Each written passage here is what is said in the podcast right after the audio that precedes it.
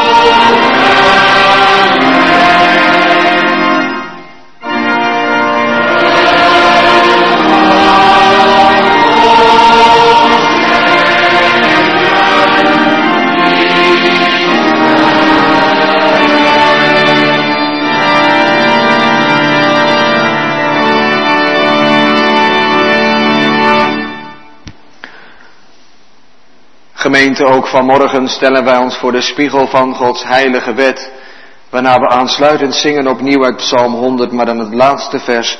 Want goedertieren is de Heer, zijn goedheid eindigt nimmer meer. Zijn trouw en waarheid houdt haar kracht, tot in het laatste nageslacht. Psalm 100, vers 4, nadat we met eerbied en aandacht geluisterd hebben naar de heilige wet des Heeren. Sprak God al deze woorden, zeggende, ik ben de Heere, uw God, die u uit Egypteland, uit het diensthuis uitgeleid hebt. Gij zult geen andere goden voor mijn aangezicht hebben. Gij zult u geen gesneden beeld, nog enige gelijkenis maken van hetgeen dat boven in de hemel is, noch van hetgeen dat onder op de aarde is, noch van hetgeen dat in de wateren onder de aarde is. Gij zult u voor die niet buigen, nog hen dienen. Want ik, de Heere uw God, ben een ijverig God, die de misdaad der vaderen bezoekt aan de kinderen, aan het derde en aan het vierde lid dergenen die mij haten, en doe barmhartigheid aan duizenden dergenen die mij liefhebben en mijn geboden onderhouden. Gij zult de naam des Heeren uw Gods niet ijdel gebruiken, Want de Heere zal niet onschuldig houden die zijn naam ijdel gebruikt. Gedenkt de Sabbatdag dat gij die heiligt. Zes dagen zult gij arbeiden en al uw werk doen. Maar de zevende dag is de Sabbat des Heeren uw Schots. Dan zult gij geen werk doen. Gij, nog uw zoon, nog uw dochter, nog uw dienstknecht, nog uw dienstmaagd, nog uw vee, nog uw vreemdeling die in uw poorten is. Want in zes dagen heeft de Heere de hemel en de aarde gemaakt, de zee en alles wat daarin is. En hij rustte ten zevende dagen. Daarom zegende de Heere de Sabbatdag en heiligde dezelfde. Eert uw vader en uw moeder, opdat uw dagen verlengd worden in het land dat u de Heere uw God geeft. Gij zult niet doodslaan. Gij zult niet echt breken. Gij zult niet stelen. Gij zult geen vals getuigenis spreken tegen uw naaste. Gij zult niet begeren uw naasten huis. Gij zult niet begeren uw naasten vrouw. Nog zijn dienstknecht, nog zijn dienstmaagd, nog zijn os, nog zijn ezel, nog iets dat uw naasten is. Amen.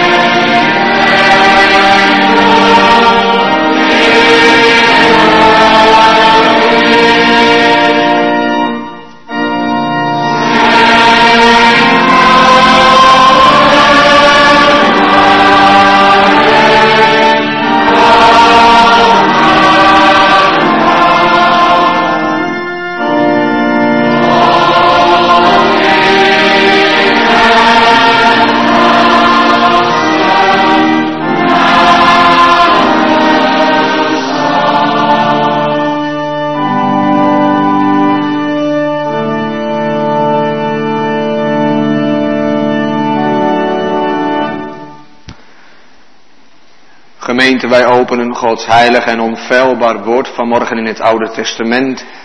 En wel in het eerste boek van de Koningen. En daarvan het achttiende hoofdstuk. 1 Koningen 18. Waar wij de profeet Elia zien. Op de karmel. Waar hij staat tegenover het volk en de Baal-profeten.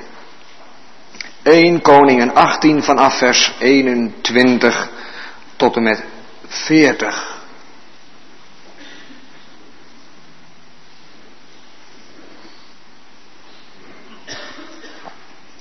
Toen naderde Elia tot het ganse volk en zeide, hoe lang hinkt gij op twee gedachten? Zo de Heere God is, volgt hem na. En zo het Baal is, volgt hem na. Maar het volk antwoordde hem niet één woord. Toen zeide Elia tot het volk, ik ben alleen een profeet des Heren overgebleven en de profeten van Baal zijn 450 mannen. Dat varen geven en dat zij voor zich de ene vark kiezen en dezelfde in stukken delen en op het hout leggen, maar roep gij aanroepen. En de God die door vuur antwoorden zal, die zal God zijn. En het ganse volk antwoordde en zeide, dat woord is goed. En Elia zeide tot de profeten van Baal, kiest gij lieden voor u de ene var, en bereid gij hem eerst, want gij zijt velen. En roep de naam van uw God aan en legt geen vuur daaraan. En zij namen de var die, bij hun die hij hun gegeven had en bereiden hem. En riepen de naam van Baal aan, van de morgen tot op de middag, zeggende, O Baal, antwoord ons. Maar er was geen stem en geen antwoorden. En zij sprongen tegen het altaar dat men gemaakt had. En het geschiedde op de middag dat Elia met hen spotte en zeide, roep met luider stem, want hij is een God, omdat hij in gepeins is, of omdat hij wat te doen heeft, of omdat hij een reis heeft. Misschien slaapt hij en zal wakker worden. En zij riepen met luider stem. En zij sneden zichzelf met messen en met priemen naar hun wijze totdat zij bloed over zich uitstortte. Het geschiedde nu, als de middag voorbij was, dat zij profiteerden totdat men het spijsoffer zou offeren. Maar er was geen stem en geen antwoorder en geen opmerking. Toen zeide Elia tot het ganse volk, nader tot mij. En al het volk naderde tot hem. En hij heelde het altaar des Heren dat verbroken was. En Elia nam twaalf stenen naar het getal der stammen van de kinderen Jacobs, tot welk het woord des Heren geschied was, zeggende, Israël zal uw naam zijn. En hij bouwde met die stenen het altaar in de naam des Heren. Daarna maakte hij een groeve rondom het altaar naar de wijdte van twee maten zaad. En hij schikte het hout en deelde de var in stukken en legde hem op het hout. En hij zeide, vult vier kruiken met water en giet het op het brandoffer en op het hout. En hij zeide, doet het ten tweede malen. En zij deden het ten tweede malen. Voort zeide hij, doet het ten derde malen. En zij deden het ten derde malen. Dat het water rondom het altaar liep. Daartoe vulde hij ook de groeven met water. Het geschiedde nu, als men het spijsoffer offerde, dat de profeet Elia naderde en zeide, Heere, God van Abraham, Isaac en Israël, dat het heden bekend worden dat gij God in Israël zijt en ik uw knecht. En dat ik al deze dingen naar uw woord gedaan heb. Antwoord mij, Heere, antwoord mij, opdat dit volk erkennen dat gij, o Heere, die God zijt, en dat gij hun hart achterwaarts omgewend hebt. Toen viel het vuur des Heeren en verteerde dat brandoffer en dat hout en die stenen en dat stof, ja lekte dat water op, het welk in de groeven was. Als nu het ganse volk dat zag, zo vielen zij op hun aangezichten en zeiden, de Heere is God, de Heere is God. En Elia zeide tot hen, grijp de profeten van Baal, dat niemand van hen ontkomen. En zij grepen ze. En Elia voerde hen af naar de beek en slachtte hen al daar. Tot zover de schriftlezing. Wij doen voorbeden voor de rouwdragende families. Voor de ernstig zieken thuis in het ziekenhuis. En voor allen die hulp en behoeven en in nood zijn. Laat ons Gods aangezicht zoeken in het gebed.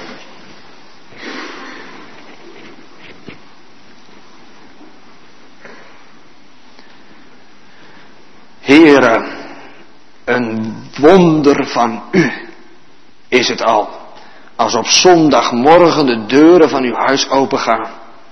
Als u ons gelegenheid geeft om samen te komen.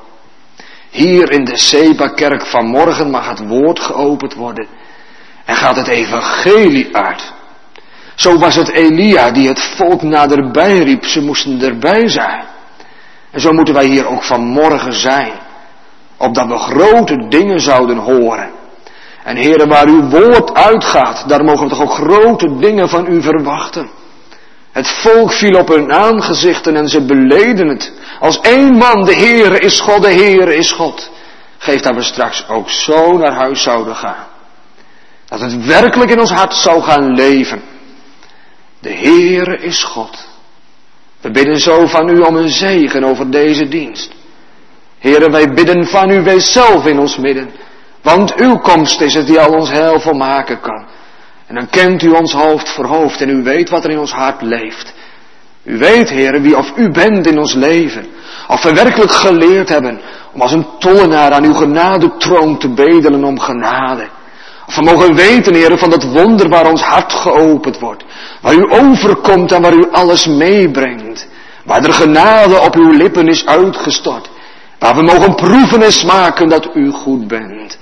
Heren, wellicht is dat leven ons nog vreemd en verkeren wij nog in de duistere macht van de zonde. Heren, wil ons dan wakker schudden ook vanmorgen, opdat we zouden zoeken de dingen die boven zijn. Het koninkrijk Gods en zijn gerechtigheid. Heren, nog steeds wilt u mest om onze levensboom leggen. En brengt u het zo dichtbij aan de deur van ons hart, waar u lokt en nodigt. Mijn zoon, mijn dochter, geef mij je hart. Heren, want als het dan van morgen gaat, over hinken op twee gedachten. Heren, dan weet u wie het aangaat en van nature ons allen. Dan willen we wel een beetje godsdienst, maar de wereld ook aan de hand houden. We bidden van u, Heere, geef toch dit, die onberouwelijke keus in ons aller hart gelegd zou mogen zijn. Dat we mogen weten, uw God, mijn God, uw volk, mijn volk. Heren, dat kunt u alleen. En u doet het ook. Want u bent nog steeds dezelfde.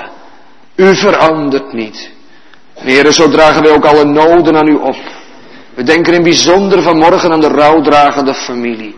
Wilt u ze ondersteunen? Wilt u ze nabij zijn in deze dagen van verdriet? Wilt u ze troosten en dat ze die ene troost maar zouden zoeken die er werkelijk is. En die alleen maar blijft. Als we mogen weten het eigendom van Christus Jezus te zijn. Een troost in leven en in sterven. Heer, dat we zo zullen zoeken in het gebed. Want wie u vindt, vindt het leven en trekt een welgevallen van de Heer. Zijn God wil dit sterven dan nog heiligen aan ons aller hart. Opnieuw gaat immers de roepstem uit. Heren, want wij allen zijn op weg en reis naar u toe. Heer, hoe zullen we toch ooit voor u, de hoge, heilige God, kunnen verschijnen?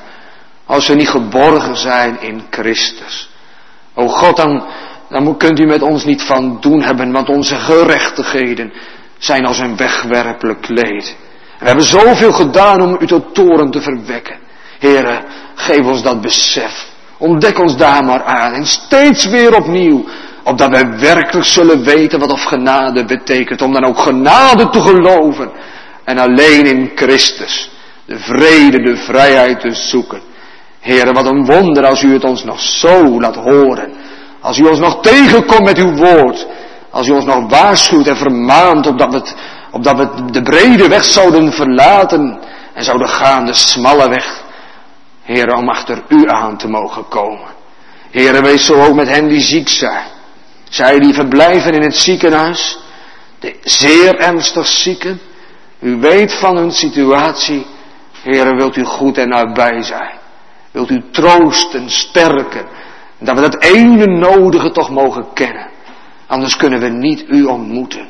Heren, zo bidden we voor hen die alleen staan. Weduwen, weduwnaren, wezen gehandicapten. Zij die het moeilijk hebben, heren. Omdat ze ziek zijn van geest, heren, wilt u ze troosten. Wilt u ze nabij zijn. Dat ze het oog op u mogen slaan. Heren, zo bidden we ook voor deze gemeente. Het bericht dat zojuist is voorgelezen. U weet er alles van, heren. En leer ons dan om het in uw handen te leggen. Bewaar ons er toch voor, heren. Dat het ons om ons gelijk te doen zou zijn. Maar dat we werkelijk, heren, bewogen mogen zijn. Omwille van uw gemeente. Omwille van de voortgang van uw evangelie. Dan gaat het toch niet om ons, maar het gaat om uw grote naam. Heren, zo doen wij ook voorbeden voor ons land en volk. Vanmorgen in het bijzonder.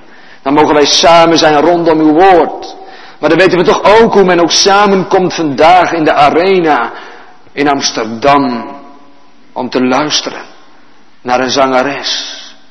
Een zangeres, heren, die het aandurft om de spot te drijven met u en met uw woord. Zelfs met dat wat ons zo dierbaar is. Waar het gaat om het kruis van Christus.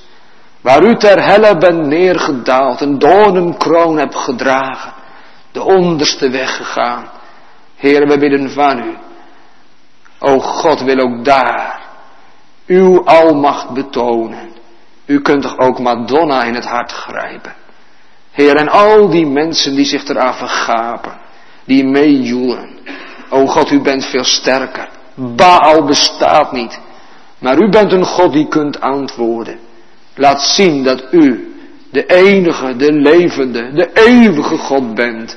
Heere, wil ons dan wederbrengen aan uw voeten. U bent bij machten, zoals Elia het bad, om ook hun hart achterwaarts van achter de afgoden af te wenden. Om de levende God te zoeken.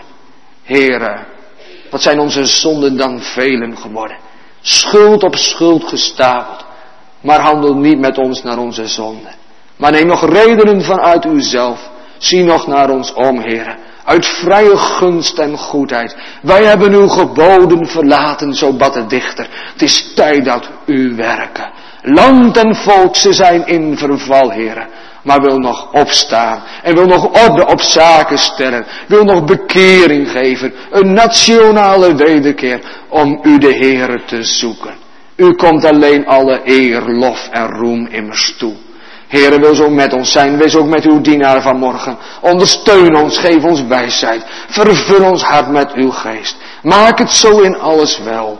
Alleen om Jezus wil bidden wij dat van u. Uit genade. Amen.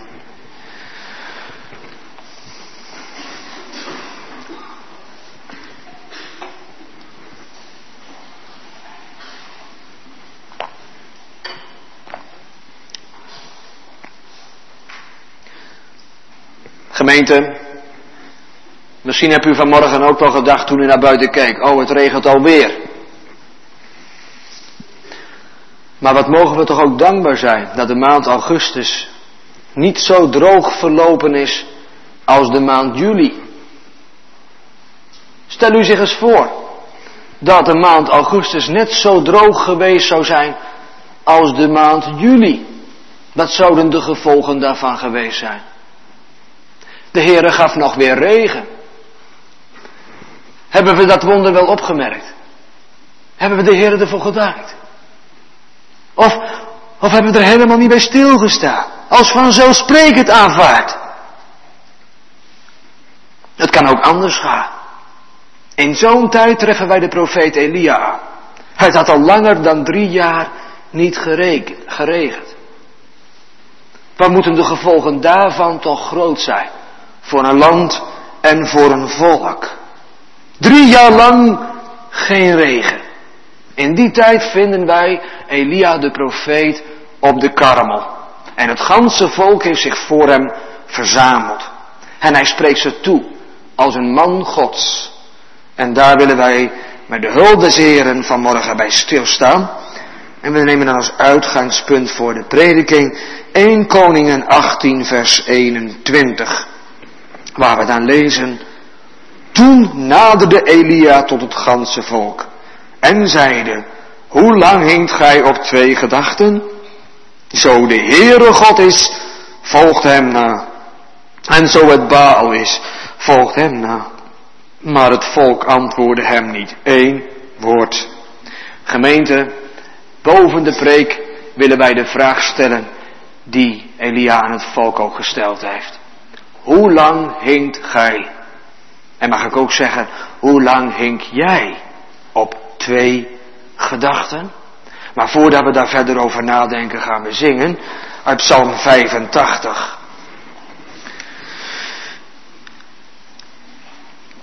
Psalm 85, vers 2 en 4. Heeft dan, o Heer, uw gramschap nimmer end? Zal eindelijk niet eens worden afgewend? Of zal uw toren ook op ons nakroost woen? Zult gij de dood ons niet herleven doen? Een gemeente in de dienst der offeranden worden er drie collecten gehouden. De eerste is bestemd voor het landelijk jeugdwerk. De tweede is bestemd voor de kerk. En de derde voor het bouwfonds van de nieuwe kerk. De Heere zegene u en uw gaven. Wij zingen uit Psalm 85 en daarvan het tweede en het vierde vers.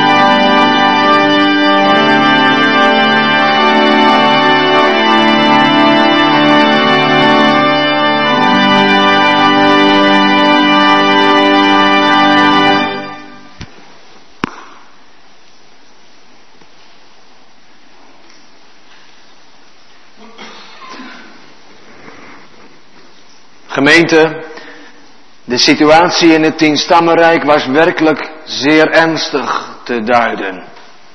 De nood was aan de man gekomen.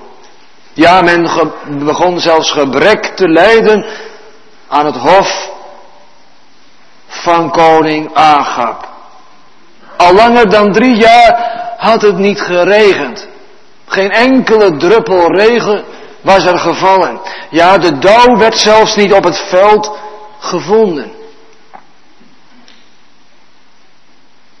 En de hongersnood was gekomen. Honger en dorst.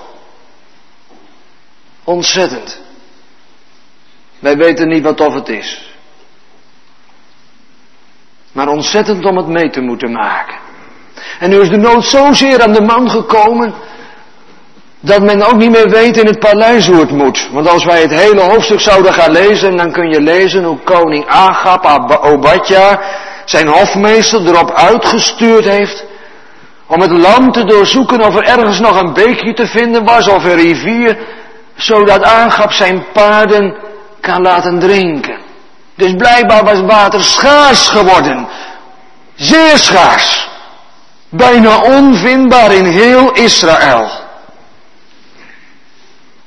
Een oordeel van God. Dat was het.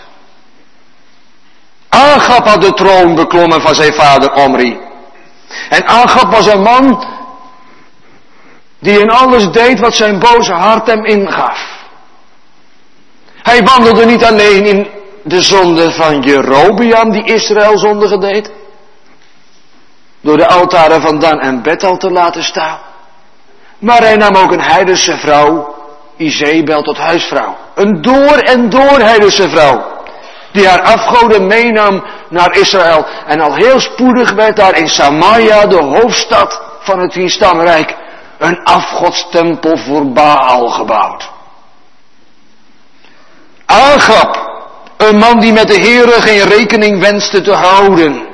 Waarvan in de Bijbel getuigd wordt dat hij meer deed om de Heere tot toren te verwekken dan alle koningen die voor hem geweest zijn. En toen was het de Heere God die Elia, de Tisbiet erop uitzond, om het oordeel aan te zeggen. En zo stond deze man Gods voor Agab, zo waarachtig als de Heere, de God van Israël leeft, voor wiens aangezicht ik sta, indien deze jaren dauw of regen zijn zal, tenzij dan naar mijn woord. En gemeente, zo is het gegaan. Geen enkele druppel regen in drie jaar tijd. En dan? Dan gaat de Heer weer regen geven. Waarom dan? Heeft het volk zich bekeerd? Nee, gemeente. Nog steeds niet. Ondanks het oordeel gaan ze door in de boze wegen die ze gingen. Maar waarom geeft de Heer dan weer regen? Weet u waarom? Omdat de Heer er niet op uit is om zijn volk te verderven. Het oordeel is wel gekomen. Maar hij heeft niet de ondergang van zijn volk op het oog. Dat moeten ze weten. Wat heeft de Heer dan wel op het oog? De Heer wil dat ze tot verootmoediging gebracht worden. Dat ze tot bekering zullen komen. Dat ze de Heer zullen erkennen als de enige God die eeuwig leeft. Dat is zijn bedoeling. Vorige week sprak ik een jongen en hij zei tegen me, dominee, is dit misschien de straf op mijn zonden?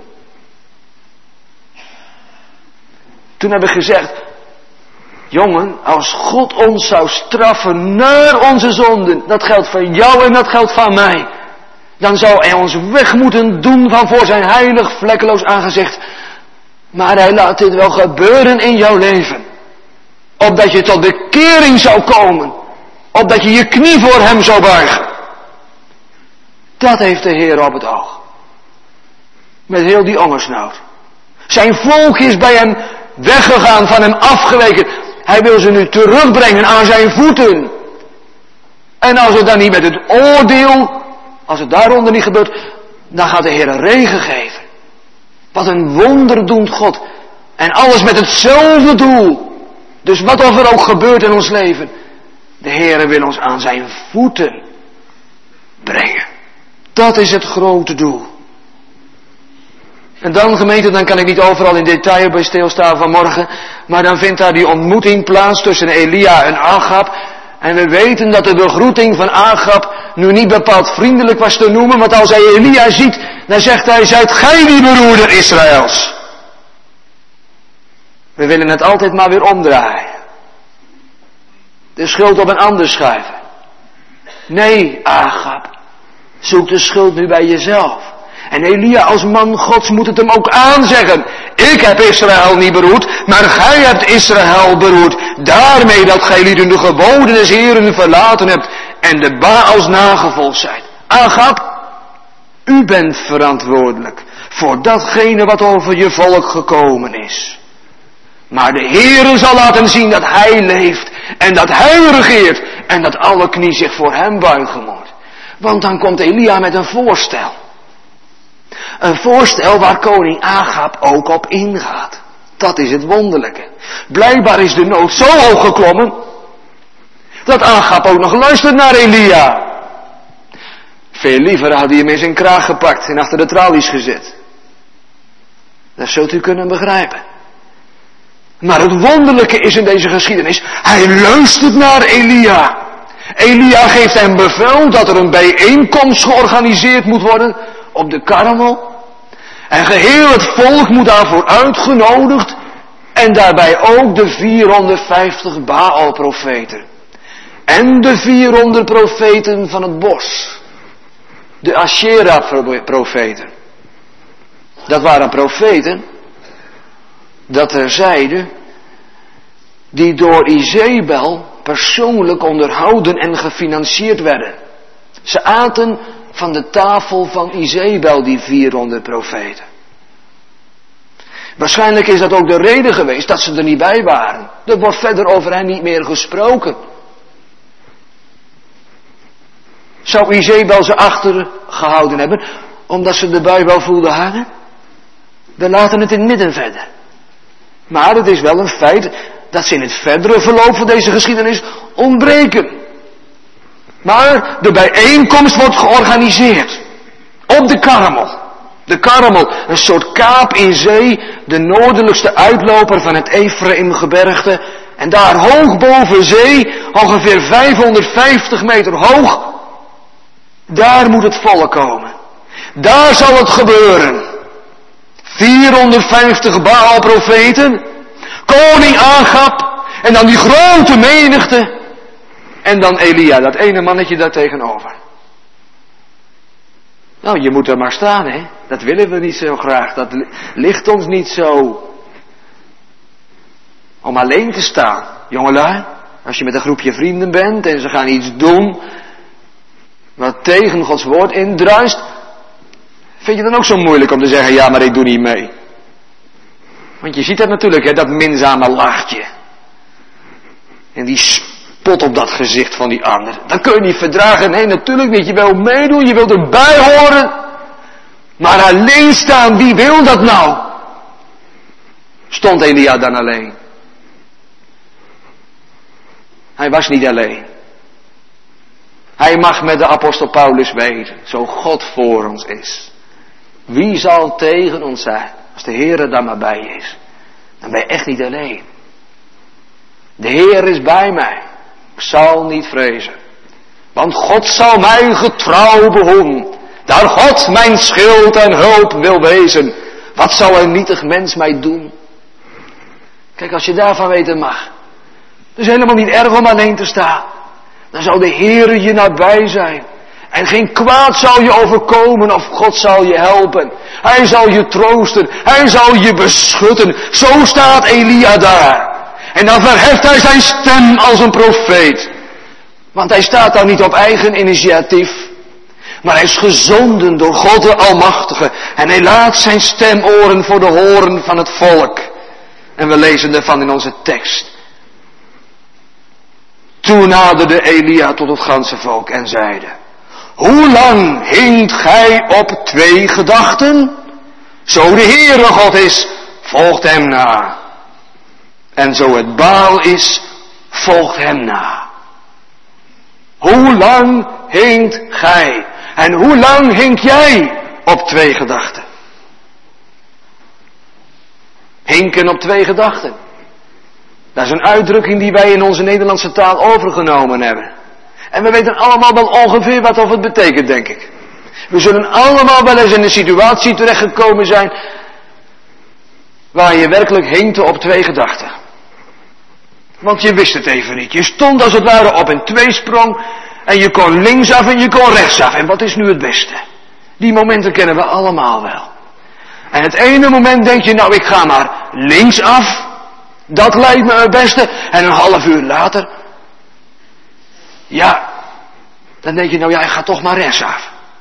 Moeilijk is dat. Tenminste, ik vind het soms knap moeilijk. Ik kan mij zulke situaties goed voorstellen. En toch wordt het hier net iets anders bedoeld. Als Elia zegt, hoe lang hinkt gij op twee gedachten, dan gaat het niet zozeer om twijfel of je het wel goed doet en of je wel de beste keus maakt. Nee. Maar dan wil Elia eigenlijk zeggen, waarom ga je mank naar twee kanten? Zowel in de, aan de ene kant liepen ze mank, maar aan de andere kant liepen ze ook mank. Wat bedoel ik daar nu mee? Nou, ze dachten van twee walletjes te eten. Ze maakten geen keus tussen de een of tussen de ander. Ze wilden helemaal geen keus maken. Ze dachten dat het allebei wel kon. Dat was hun probleem. Want daar was wel die afgodstempel gebouwd in Samaria. Maar goed, ze waren de God van hun vaderen ook nog niet vergeten. De tradities hielden ze tot op zekere hoogte wel in ere. Daar hadden ze niet zomaar mee afgerekend. Nee, ze dachten, de God van Israël iets en Baal iets. Nu komt het misschien wel heel dichtbij. Misschien is het wel zo bij u of bij jou. Waar die onberouwelijke keuze in je leven nooit gevallen is. Maar waar je leven eigenlijk bestaat uit een beetje wereld en een beetje godsdienst. Van alles een beetje. Altijd op zoek naar de synthese om die twee maar te kunnen combineren. Als dat nou maar kon. Toch, dan was je eruit. Dan waren er geen problemen meer. Hoefde je nergens meer over na te denken. En kon je je eigen gang gaan. Altijd maar combineren. Maar God zegt, als ik werkelijk je leven vervul, dan moet je het Moab der zonde verlaten. Dan moet daar een onberouwelijke keus zijn. Weet u nog wat Jozua tegen het volk zei? Toen hij ze voor de keus stelde. Kies dan heden wie gij dienen zult. En Jozua antwoordde, maar mij aangaande mij en mijn huis. Wij zullen de Heere dienen. De Heere wil je hele hart. Niet een stukje, want dan heeft de duivel het nog helemaal. Mijn zoon, mijn dochter, geef mij je hart. Dus wat was hun probleem nu gemeente om het nou met nieuwtestamentische woorden te zeggen? Ze waren heet nog koud, maar ze waren lauw. Voor veel mensen is dat geen enkel probleem. Zondag vroom in de kerk zitten en psalmen zingen en op maandag dan dien je weer de mammon. Dan ga je je eigen gang weer. Ze gaan net zo makkelijk, misschien ben jij het wel, ze gaan net zo makkelijk naar de kerk op zondagmorgen als op zaterdagavond naar de disco. Maar volgens Gods woord kan het niet, want wat gemeenschap heeft God met Belial? Kies dan heden wie hij dienen zult. Blijkbaar wist het volk dit ook wel, diep in hun hart verborgen. En blijkbaar weet u het ook wel. Dat het zo niet kan. Want wat gebeurt er als Elia ze op deze wijze voor het blok zet? Laten we het zomaar even zeggen. Dan lees ik in mijn tekst. Maar het volk antwoordde hem niet één woord. Ze zwegen in alle talen. Misschien was dat al wel de eerste vrucht. Het gebeurt thuis ook wel eens. Hè? Ze zeggen dan, ja, we leven in een tijd waarin de kinderen ook al zo mondig zijn. Ze hebben altijd een weerwoord. Maar dan, dan heb je werkelijk iets te zeggen. En dan gebeurt het soms wel dat ze rondom tafel zitten en je zegt iets en dan wordt het doodstil. Ze zwijgen in alle talen. Misschien buigen ze het hoofd nog een klein beetje naar beneden, maar ze weten wel, dit is waar. Zou dat hier al aan de hand zijn? Zou dit al de eerste vrucht zijn op de prediking van Elia? Ziet u gemeente? Let er eens op hoe, hoe Elia het volk benadert. Hij spreekt ze aan op een heel directe wijze. Hij zegt niet tegen ze van ik hoop dat het nog eens een keertje beter met je wordt. Hij zegt ook niet van ik hoop dat God je nog eens een keer in je hart zou willen grijpen. Had hij dat niet mogen zeggen? Ja, natuurlijk wel. Dat was de worsteling van zijn leven. Maar weet je, weet je tegen wie of hij dat zegt? Dat zegt hij tegen de Heer. Dat zegt hij straks bij het altaar. Dan kom ik erop terug. Dan zegt die Heer, ik kan ze niet bekeren. Maar u bent machtig om hun hart achterwaarts van achter de afgoden af te wenden. Maar nu als hij voor het volk staat, dan spreekt hij ze aan met bevel van geloof en bekering. Dan zegt hij, hoe lang hinkt gij op twee gedachten? Als we daar goed naar luisteren, dan spreekt daar een sterk verlangen klinkt daarin door. Elia heeft er al zo lang naar uitgezien. Die drie jaren heeft hij binnen doorgebracht. Wanneer komt mijn volk nu tot inkeer en tot inzicht? Hoe lang moet het nog duren? Hoe lang hinkt gij op twee gedachten? Het volk zweeg. Ik dacht zo gaandeweg, het kan ook zijn dat ze zwijgen omdat ze net zo postmodern geworden zijn als ons. Dat ze zeggen, ja, die Elia dat is een fundamentalist, daar heb je meer. Nou ja, laat hij zijn eigen mening erop nahouden, ik ook mijn eigen mening. Dat zou ook kunnen.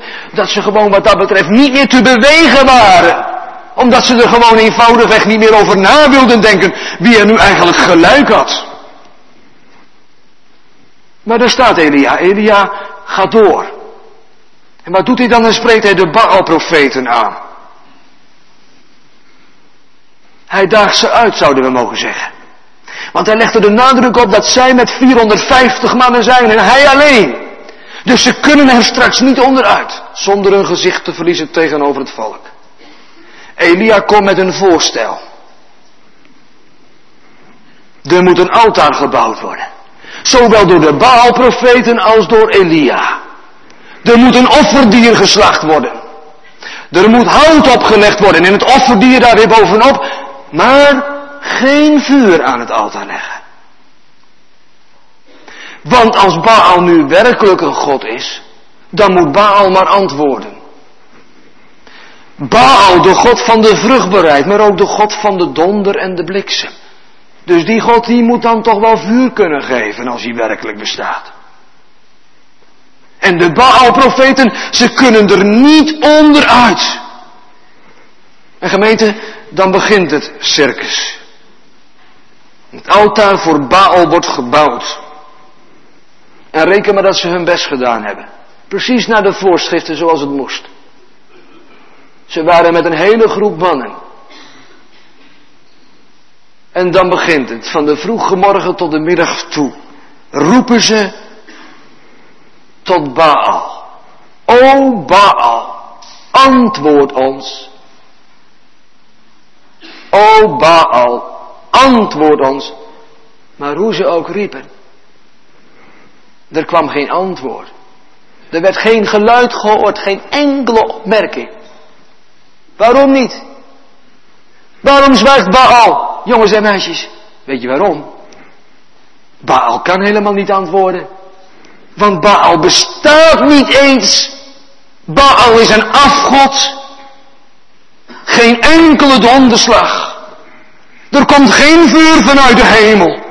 En de dag vordert en naarmate de tijd verstrijdt raakt men meer en meer in extase. Ze springen tegen het altaar dat men gemaakt heeft. Rituele dansen. Die we nog steeds zien bij alle volkeren rondom ons. En tegenwoordig ook bij het moderne heidendom. Ook vandaag in de arena. Dan gaan ze ook uit het dak. In de Baaldienst. Daar moet je je verre van houden.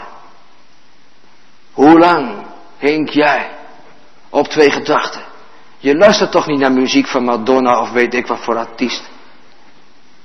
Doe daar niet aan mee. Distancieer je daarvan. Ruim die afgoden op. Wil daar niet mee van doen hebben en bid voor hun behoud, gemeente. Niets wordt gehoord. En ze hebben werkelijk alles uit de kast gehaald om Baal te bewegen tot antwoord. Ze sprongen tegen het altaar, maar alles was te vergeefs. En dan gaat Elia zich ermee bemoeien. En hij doet dat op spottende wijze, lees ik in de Bijbel. Spotten? Dominee, je mag toch niet spotten? Nee, spot nooit met God en met zijn woord. Doe dat nooit. God laat niet met zich spotten. Maar als het gaat om afgoderij, afgoderij is wel bespottelijk. Afgoderij is bespottelijk, hoe je het went of keert. Was het dan niet Luther die eens zei over al die rituelen die in de Rooms-Katholieke Kerk plaatsvonden. Het is slechts apenspiel, apenspel. Ja, gelukkig dat wij daar geen afgoden meer hebben, hè. Want anders zouden wij ook bespottelijk zijn. Nee, er staan geen totempalen om oudere kerk heen, dat weet ik ook wel. Maar hebben wij geen afgoden? Zondag 34 van de heilige Bijdelberger catechismus. Wat is afgoderij? Afgoderij is in de plaats van de enige ware God iets verzinnen of hebben waar de mens zijn vertrouwen op zet. Hebben wij geen afgoderij gemeente? Het kan je huis zijn. Kan niet mooi genoeg. Het kan je auto zijn, het kan je hobby zijn, kan, kan je godsdienst zijn. Alles waar je je betrouwen op zet, naast of in plaats van de Heere. Afgoderij. Waar moet ik beginnen, waar moet ik eindigen? Moet ik denken aan de muziek? Ze kunnen er maar niet van loskomen. Je bent eraan verslaafd als het ware. Is het dan geen afgod van je geworden? Denk aan de sportwereld, wat men er voor over heeft om één seconde sneller te zijn dan een ander. Daar hebben ze hun leven voor over. Is dat geen afgoderij? Was er niet twee weken terug op het nieuws, of was dat vorige week?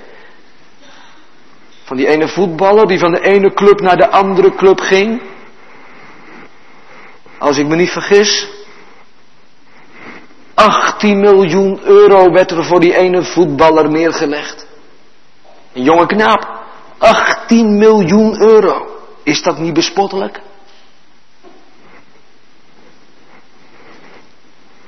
En als je in de arena van Amsterdam wil zitten vandaag, dan betaal je ook een paar honderd euro.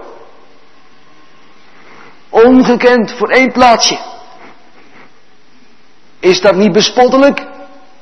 Afgoderij is bespottelijk gemeente. Bovendien, we moeten het wel goed lezen. Die Baal-profeten hebben dit niet als spot opgevat. Dus je zou kunnen zeggen, het is veel meer cynisch ook. Zij hebben dit serieus opgepakt. Zo blind waren ze geworden. Voor hun eigen doen en laten. Want wat zegt Elia? Nou, als Baal nu werkelijk een God is, dan zal hij het wel druk hebben. Misschien is hij in gepeins verzonken, of heeft hij iets anders te doen, of moet hij een verre reis maken. Misschien ligt hij te slapen en moeten jullie hem wakker roepen. En ze gaan daar serieus op in, want ze gaan nog harder roepen. Ja, ze gaan zelfs tot zelfkastijding over. Een luguber gebeuren. Ze snijden zichzelf en ze verwonden zichzelf en elkaar met spiezen. Een bloederig tafereel wordt het. Vreselijk om te zien. Om op die manier Baal ervan te overtuigen dat ze geheel tot zijn beschikking staan als hij dan maar reageren wil. God heeft zijn volk zulk soort rituelen uitdrukkelijk verboden, Deuteronomium 14.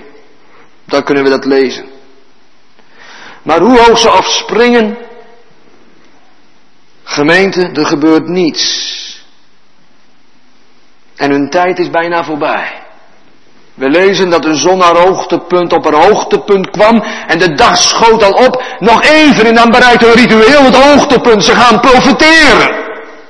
Ze raken geheel en al in extase. Nee, ze profiteren niet net zoals Gods knechten dat deden. Maar ze raken geheel en al buiten zinnen. Ze, ze raken aan het razen. En dat ging maar door, dat ging maar door. Totdat, lees ik in de Bijbel. En dat is toch heel bijzonder. Totdat men het spijsoffer zou offeren. Tot die tijd ging men door. Het spijsoffer. Waar werd dat spijsoffer gebracht, weet u waar? Heel ver verwijderd van de Karmel. In Jeruzalem. Daar wordt het spijsoffer gebracht. Op de negende uren, drie uur middags, zal het avondoffer gereed gemaakt zijn en gebracht worden aan de Heer. Tot die tijd zijn de Baal-profeten bezig. En dan is het Elia's tijd. Want wat gaat Elia dan doen? Dan lees ik in vers 30. Toen zeide Elia tot het ganse volk, nadert tot mij. Iedereen moet zien wat er gaat gebeuren. Mag ik hetzelfde zeggen? Nou zit je achter in de kerk. De achterste bank. Luister goed. Let op.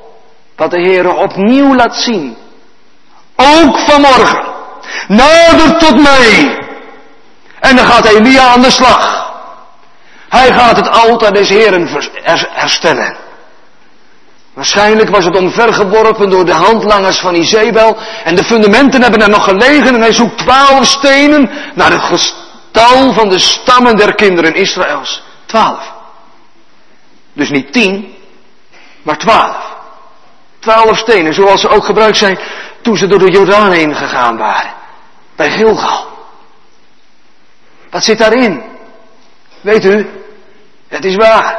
Alles wat er gebeurt in de kerk stemt je tot droefheid. Maar God ziet zijn kerk als wezenlijk één. Over de breedte en de lengte van deze aarde. De Heere kent degene die de zijne zijn. Tot welk kerkverband of ze dan ook behoren. Maar hij weet hoe het van binnen in ons hart zit. Daar heeft Elia ook oog voor. Twaalf stenen. En dan het offerdier. Tweede keus zouden we kunnen zeggen, want de eerste vaart was uitgekozen door de Baalprofeten, zodat ze later niet kunnen zeggen dat er aan hun vaar iets mankeerde. Maar hoe dan ook, die vaar die wordt in stukken gedeeld en op het hout gelegd. En dan is alles klaar. Toch? Nee, Elia is nog niet klaar. Want nu heeft er wel bloed gevloeid. Maar nu moet er ook nog water gesprenkeld worden. Water?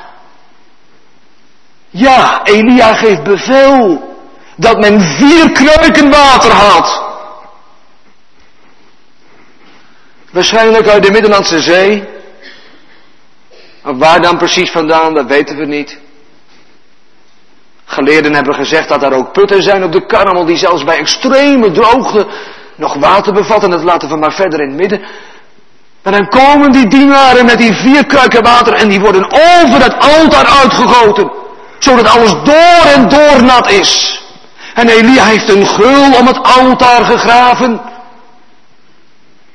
Naar de maat van twee maten zaad, ongeveer 24 liter.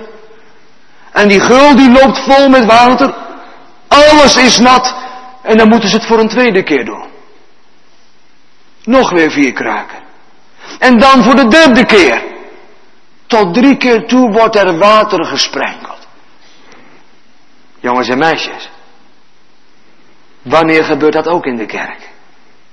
Wanneer wordt er in de kerk tot drie keer toe water gesprenkeld? In de naam van de Vader.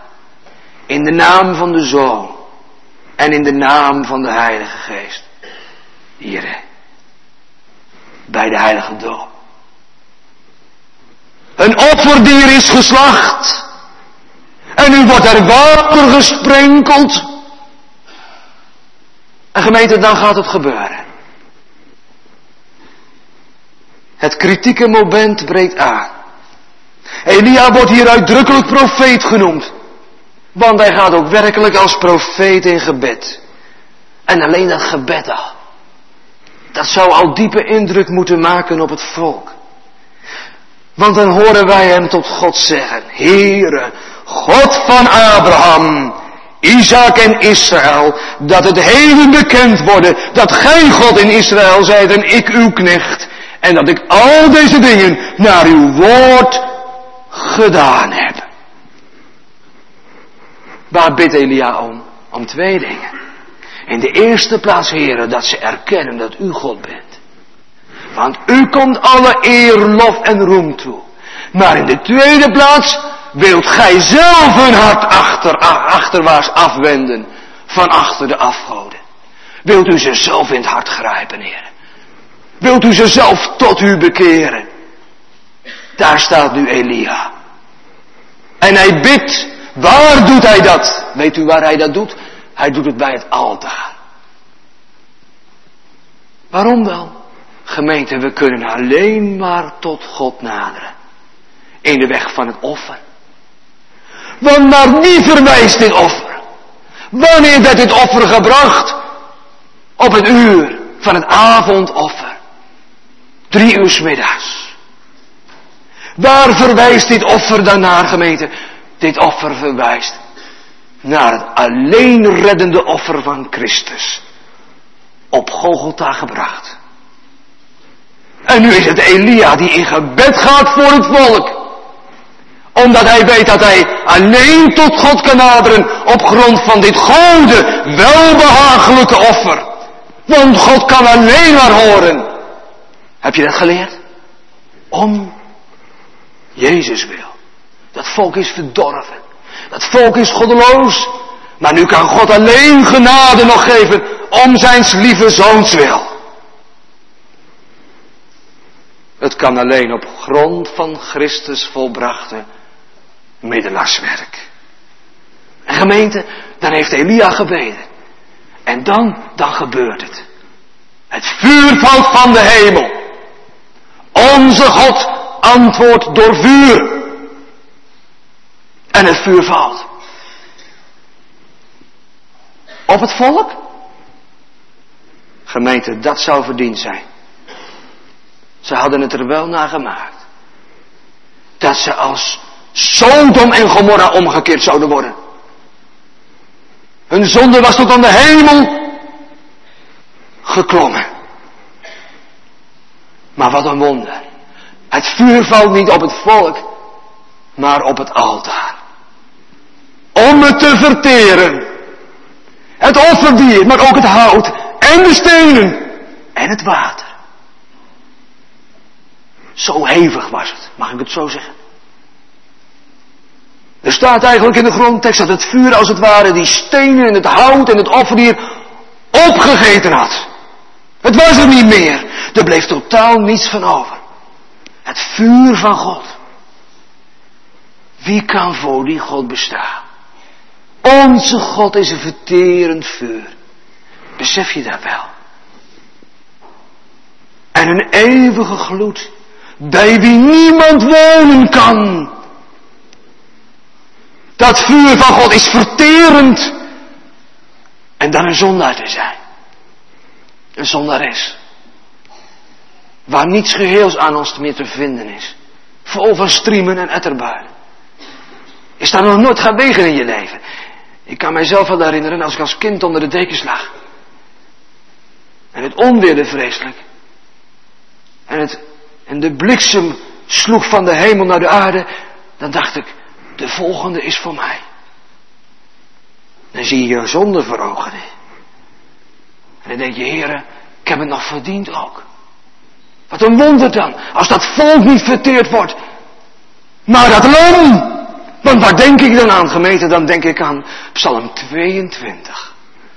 O dodelijk uur, wat hitte doet mij branden. Mijn hart is week in din gewanden en smelt als was voor het vuur. Gemeente, waar denk ik aan? Weet u waar ik aan denk? aan Christus. Die daar hing. Terwijl het midden op de dag duister werd. Zo donker waar hij hing. In de godsverlatenheid. Waar hij uitriep, mijn God, mijn God, waarom heb gij mij verlaten? Daar hing hij in de vlammen van Gods. Waar het vuur van Gods op hem neerdaalde. Waar hij naar deze wereld kwam. Om zijn ziel te geven. Tot een rantsoen voor velen. Gemeente. Wat een vreselijk gebeuren, vindt u ook niet? Want denk erom, het is het een of het ander. Het is een boodschap van leven en dood, vloek en zegen. Je staat erbij. Of ik moet sterven, of het lam. Wat een wonder dan. Nu heeft het vuur van Gods toorn het lam getroffen. En gaat de zondaar vrij uit. Kent u dat wonder in uw leven? Ik voor u. Daar gij anders de eeuwige dood aan moeten sterven. Weet u wel, daar liep Abraham. Abraham met Isaac zijn zoon. Naar een land Moria. Toen hadden ze wel vuur. Toen hadden ze wel hout. Maar toen hadden ze geen lam. God heeft zichzelf een lam ten brandoffer voorzien mij zo. Hier komt het evangelie aan het licht. Wat een wonder. Wat zei Elia tegen het volk?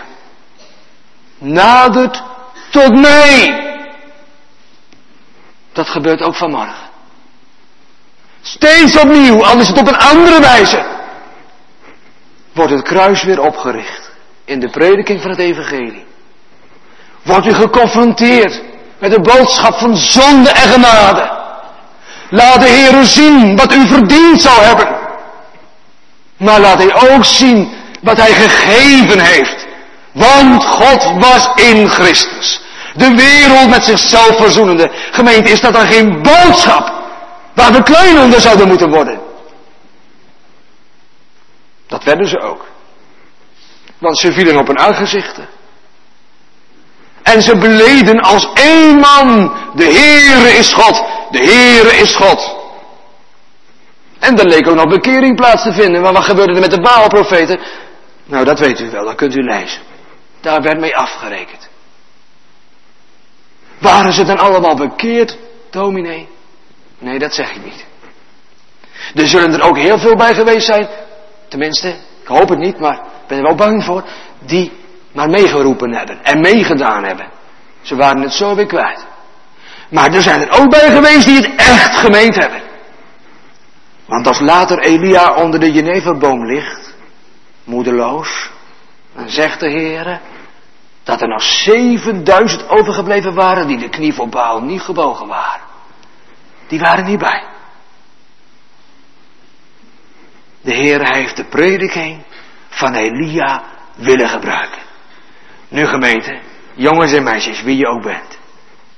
Nadert tot mij. Waar we als dienaar van het woord geroepen worden. Om het evangelie aan uw hart te leggen. Om u te confronteren met de boodschap van dood en leven. Vloek en zegen. Zonde en genade. Hoe lang hinkt gij nog op twee gedachten? Is Baal God dient hem. Is de Heere God dient hem. Want er zijn er nog zoveel die van twee balletjes willen eten. En, nooit, en nog nooit gekomen zijn tot die onberouwelijke keus. Een beetje Baal. En een beetje, en een beetje God dienen. Dat kan niet. Kies dan heden wie gij dienen zult. Ja, maar dominee. Kijk, daar heb je het al. Het volkswegen in alle talen, maar misschien hebben wij wel een jamaar. Ik kan me toch zelf niet bekeren? Dat wist Elia ook wel. Maar God houdt zijn woord. En hij zegt, wie mij zoekt, die zal mij vinden. Zo kun je je ook achter een dogma verschuilen. We kunnen het niet. Weet u wat ik van de week bij Jonathan Edwards les? Onverdacht gereformeerd theoloog. U bent er nog. U dient heden tot een besluit te komen, zegt hij. En als u niet tot een besluit komt, dan zal God straks wel voor u besluiten. En uw deel zetten met de geveinsde. Want als het gaat om bekering, levensgevaarlijk om het één dag uit te stellen. Heden, zo gij zijn stem hoort. Een zaak van leven en dood. Hoe lang hinkt gij op twee gedachten? Vliet de wereld en zoek de Heer. Ik kan u zeggen, het is een liefdesdienst. Om de Heere te dienen, talroost en het eeuwig God. Waar je soms werkelijk onder verbruiselt. Zo klein. Als je ziet wat God in Christus gedaan heeft om mij van de hel te redden. Vuur zou op mij moeten neerdalen. En het offer werd verteerd. En God vindt al zo genoeg doening in het offer van zijn zoon. Het offer van het lam. Gemeente, het wordt u nog voorgehouden. Hoe lang hinkt gij op twee gedachten? Het kan ook zijn omdat je er niet vooruit durft te komen. Maar de Heer houdt niet van stiekem bekeringen. Wie achter mij wil komen, die nemen zijn kruis op en volgen mij. En wie mij beleiden zal voor de mensen, die zal ik beleiden voor mijn Vader die in de hemelen is. Doe niet zo dwaas. Straks beginnen de beleideniscategorisaties weer. Heb je daar al over nagedacht? Je kunt hier niet zomaar de kerk altijd maar weer uit alsof er niets tegen je gezegd is. Je bent hier niet vrijblijvend. De Heer legt zoveel mest om je levensboom. Zoveel arbeid aan je ziel ten koste gelegd. En vanmorgen zegt hij, hoe lang blijf je nou maar hinken op twee gedachten? Gemeente, kies dan heden wie gij dienen zult, zei Jozua. Twee heren kunnen we niet dienen. Waar valt de keus? Ja, dominee, waar gebeurt dat? Weet u waar dat gebeurt? Dat moet hier gebeuren. In de werkplaats van de Heilige Geest. Waar je oog in oog staat met het offer. Daar gebeurt het. Waar je iets van het wonder gaat zien.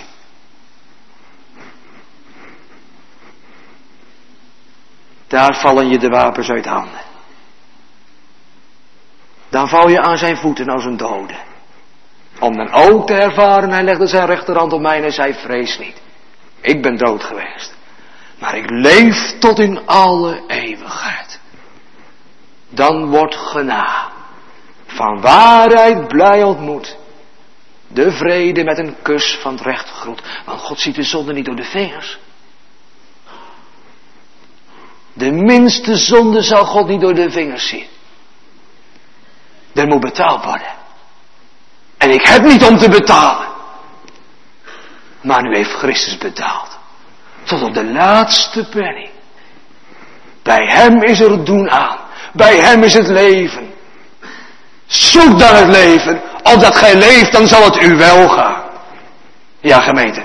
Zo stond Mozes voor het volk. De man gods. En hij riep ze toe. Ik neem heden tegen u lieden tot getuigen. De hemel en de aarde. Het leven en de dood heb ik u verkondigd. De vloek en de zegen. Kiest dan het leven. Opdat gij leeft. Gij en uw zaad. Amen. Psalm 85, vers 3. Merk op mijn ziel wat antwoord God u geeft.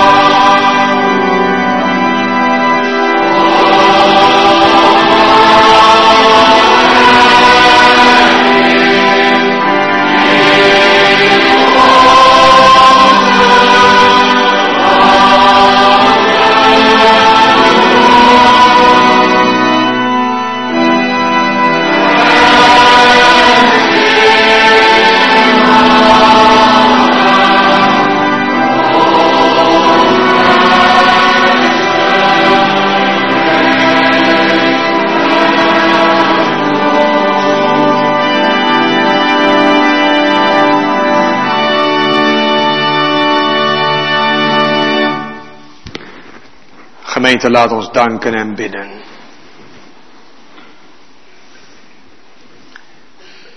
Heilige en rechtvaardige God, met u valt niet te spotten, want onze God antwoordt door vuur. Geef dat we er allen een indruk van hebben. U bent een verterend vuur en een eeuwige gloed bij wie niemand wonen kan. Het waren zelfs de heilige serafijnen die hun aangezicht bedekten en uitriepen, heilig, heilig, heilig is de Heere, zij is schade. Wie zijn wij dan? Stof en as. En wij zijn onrein van lippen, zo riep uw kind en knecht Jezaja uit. En wij wonen te midden van een volk dat onrein van lippen is. We zouden moeten verteren. Maar heren, dan mag het lieflijk evangelie ook uitgaan. Meegenomen naar Golgotha. Wat een wonder, heren. Of het lam moet sterven, of ikzelf. Dat we ervan weten in ons leven. Om deel te hebben aan Christus. Aan zijn offer. Dan hoeven we niet te verschrikken. Als we straks voor u moeten verschijnen. Heere, heb dank voor uw woord. Achtervolg het met uw zegen. Wil zo met ons zijn als we naar huis gaan. Bewaar in het verdere van deze dag. Breng ook deze gemeente vanavond opnieuw samen. Schenk ook dan uw zegen, gedenk ze. Geef wat nodig is. In alle opzichten. Bovenal bekering en geloof. In veler hart kon het zijn bij allen opdat uw gemeente gebouwd mag worden, tot roem van uw naam, om Jezus wil. Amen. Psalm 48, het laatste vers. Want deze God is onze God. Hij is ons deel, ons zalig lot, door tijd nog eeuwigheid te scheiden, ter dood toe zal hij ons geleiden. Dus alleen het laatste vers van Psalm 48.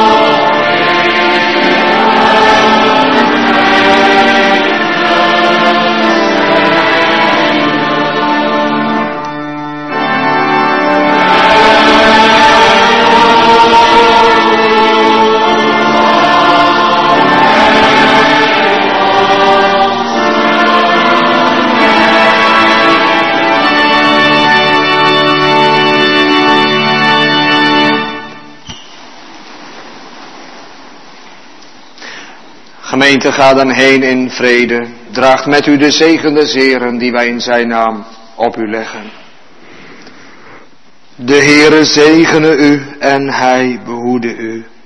De Heere doet zijn aangezicht over u lichten en zij u genadig. De Heere verheffen zijn aangezicht over u en geven u vrede. Amen.